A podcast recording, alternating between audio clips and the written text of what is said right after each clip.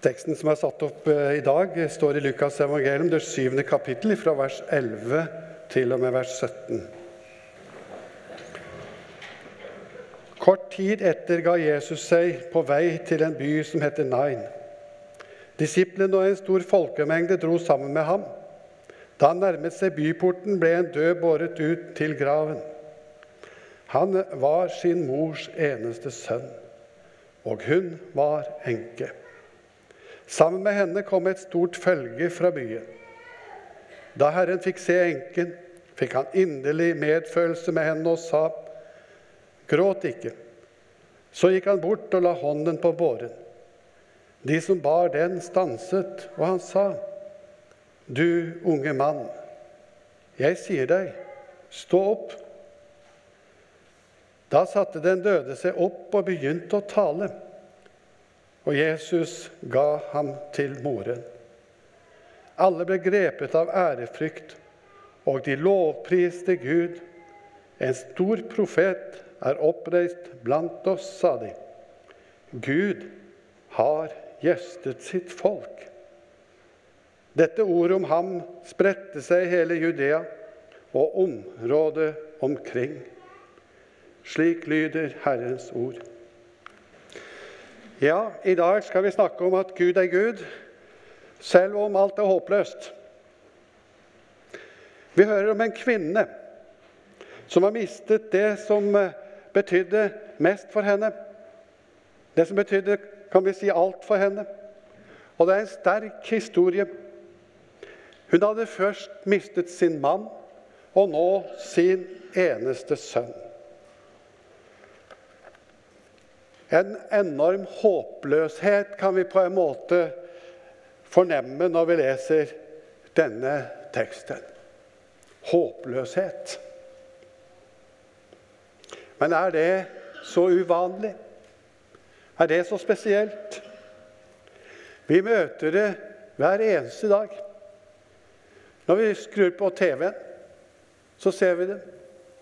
I mange situasjoner rundt omkring i verden så er det mennesker som opplever håpløshet.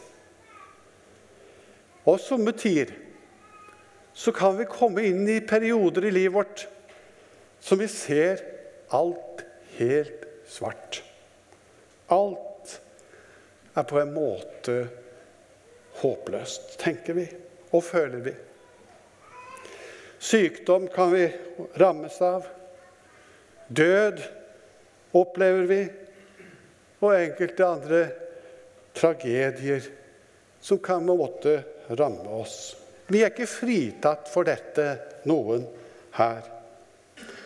Og da blir det store spørsmålet, så vi må stille hverandre denne søndagen Har kristendommen noe å si til mennesker som er i en håpløs situasjon. Og jeg vil snakke litt forsiktig, litt stille egentlig. For kanskje du sitter her i dag som kjenner på smerte over å ha opplevd nettopp noe av det som jeg tidligere har nevnt. Mistet en som har betydd alt for deg eller kommet i en situasjon som har bringt deg inn i et dypt mørke. Er det noe vi kan si til hverandre når vi opplever slikt? Noe som kan være til hjelp? Har Bibelen noe å fortelle oss? Kanskje hjelpen kan være at vi bare sitter stille sammen, gråter sammen, er i lag. Ja, vi vet at det kan lindre smerten, og det kan enkelte ganger være en god hjelp. Men jeg syns vi skal se litt nærmere på dagens prekentekst. For hvis det er sant, det som der står, det som der forkynnes, ja, da er det ingenting som var sånn som det var før. Da er egentlig allting forvandlet, forandret. Og da må vi tenke igjennom alt på nytt. Og hva er det som er en slik skjellsettende, eller har en slik skjellsettende betydning fra denne teksten? Det står en liten setning som har tatt tak i meg. Og den setningen er slik Gud har gjestet sitt folk. Gud har gjestet sitt folk. Hvordan? Jo, ved at han sendte Jesus Kristus. Men er ikke dette helt absurd? Vi kan vel ikke trøste mennesker som lider, som opplever at katastrofen rammer, som opplever håpløsheten. Vi kan vel ikke trøste dem med Jesus? Og kan vi egentlig vite noe om det er Gud som har gjestet sitt folk? Disse spørsmålene trenger seg innpå oss og gjør oss at vi står der skjelvende innenfor håpløsheten. Og Da kan vi begynne å tenke. Er det noe som vitner om dette? At Gud har gjestet sitt folk. Ja, undrene som Jesus gjorde, forteller oss hvem Jesus er. Hvem er vinden og havet lydig? spurte folk. Og Jesus selv sier at de gjerninger jeg gjør i min fars navn, de vitner om meg. En aktiv vekkelsespredikant på Jesu tid. Han fikk høre om disse undrene som Jesus gjorde. Han satt i fangenskap, i mørke, i håpløshet. Han hadde mistet tjenesten sin, og det kan være tungt. Han eh, var altså satt i fengsel, og det var vanskelig. Han var forløperen for Jesus, veirydderen. Og nå satt han der, og snart skulle han lide martyrdøden. Og så var det dette dirrende, dype spørsmålet som kom til han. Inn i håpløsheten, inn i mørket. Er du den som skal komme, eller skal vi vente en annen? Også til denne predikanten så kom svaret. Han som hadde vært en kraftpredikant uten sidestykke. Han fikk denne medisinen. Se hva jeg gjør, så forstår du hvem jeg er. Og i vår tekst i dag så er det altså oppvekkelsen av enkens sønn som har dette vitnesbyrdet i, i seg. Se hva jeg gjør. Så forstår dere hvem jeg er handlingene som Jesus gjorde, og handlingene han gjorde i dag, dagens tekst, det forteller oss noe. At Jesus er herre over liv og død. Det forteller oss at døden er ikke det siste. Vi sier somme tider at døden er punktum. Men det er ikke sant. Døden er ikke det siste. Døden har ikke det siste ordet. Og det er dette vi trøster hverandre med i håpløsheten. Og det var dette som også blir trøsten til alle som tror på Jesus. Petter Dass han sier og bekjenner Gud er Gud om alle land lå øde. Gud er Gud om alle mann var døde. Denne bekjennelsen ville ha vært svært risikabel om vi ikke hadde noe håndfast. Men det har vi altså vitnesbyrdet om at Jesus selv er herre over døden.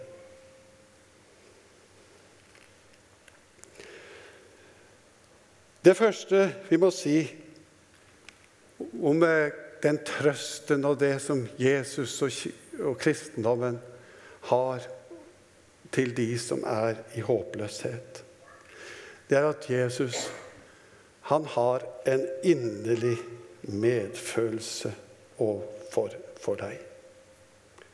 Hva er det? Jo, det er en aktiv, deltakende og hjelpende medfølelse. Han har omsorg for deg.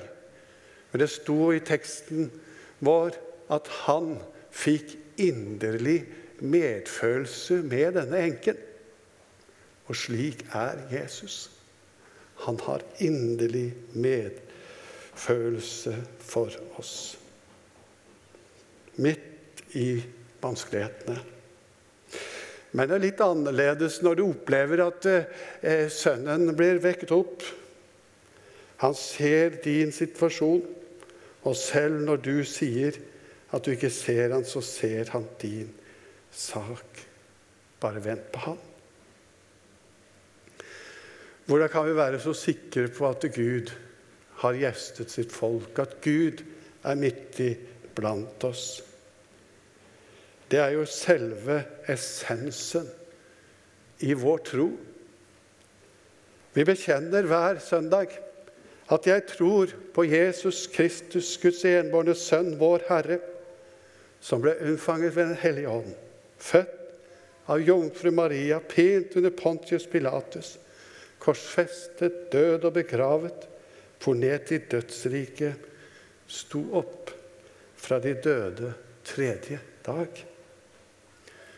Det er selve vitnesbyrdet og det håndfaste vi har på at Gud har gjestet sitt folk. Og vitnesbyrdene om hans oppstandelse er mange. Han ble sett av mange, ja, flere hundre, som hadde sett ham på en gang. Og det er ingen som til dags dato har greid å motbevise at han sto opp fra de døde. Selv om det er svært mange som har prøvd seg på den geskjeften i de 2000 år som har gått siden han sto opp. Oppstandelse. Jesu oppstandelse. Det er selve redningstauet som berger oss ifra den endelige håpløsheten. Og spørsmålet mitt har vært om denne redningslina er sterk nok, solid nok? Og mitt svar er at jeg har ikke funnet noe som er sikrere. Og det er derfor denne trøsten jeg vil videreformidle til de som vil høre. Til de som er i håpløshetens mørke. Det innebærer at den som har Jesus, så er ikke døden, fortvilelsen, det siste. For kristendommen, evangeliet, det er et budskap at det finnes en herre, en konge, som heter Jesus Kristus. Og denne konge, denne herre, han er hos oss, og han har det siste ordet.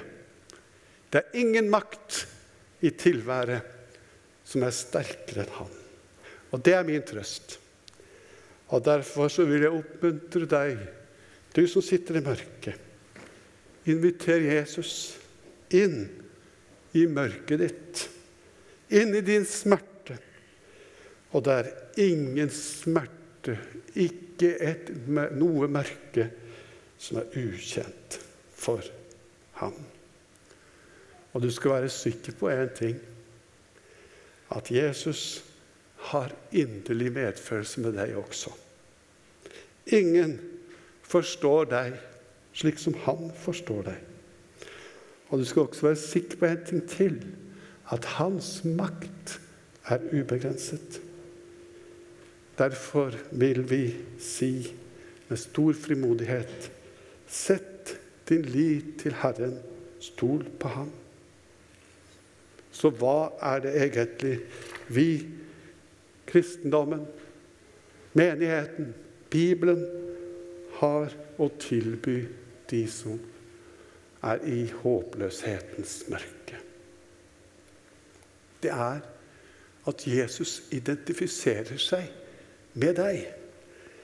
Det er en ny tenkning omkring Matteus 25 som har kommet til meg. Der står det 'For jeg var sulten', og dere ga meg mat. Jeg var tørst, og dere ga meg drikke. Jeg var fremmed, og dere tok imot meg. Jeg var naken, og dere kledde meg. Jeg var syk, og dere så til meg. Jeg var i fengsel, og dere besøkte meg.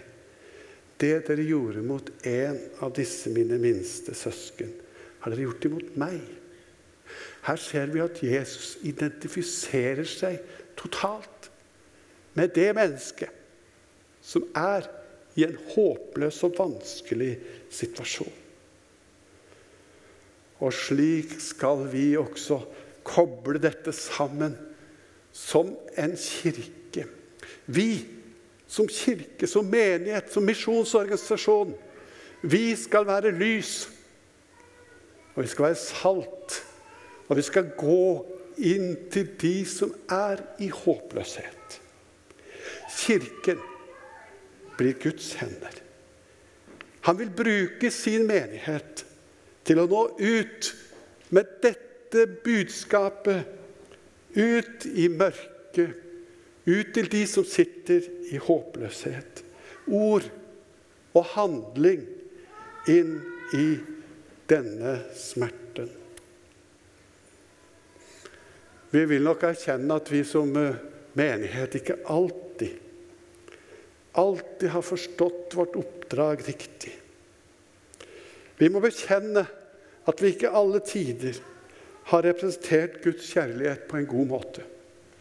Men jeg vet òg at det er mange misjonsvenner, mange troende rundt omkring i verden som har tjent Herren og sin neste gjennom misjonsarbeid, gjennom dagliglivet, og på den måten bringt et lite lys inn i håpløshetens mørke og fått vært Jesu Kristi hånd overfor de som har det vanskelig.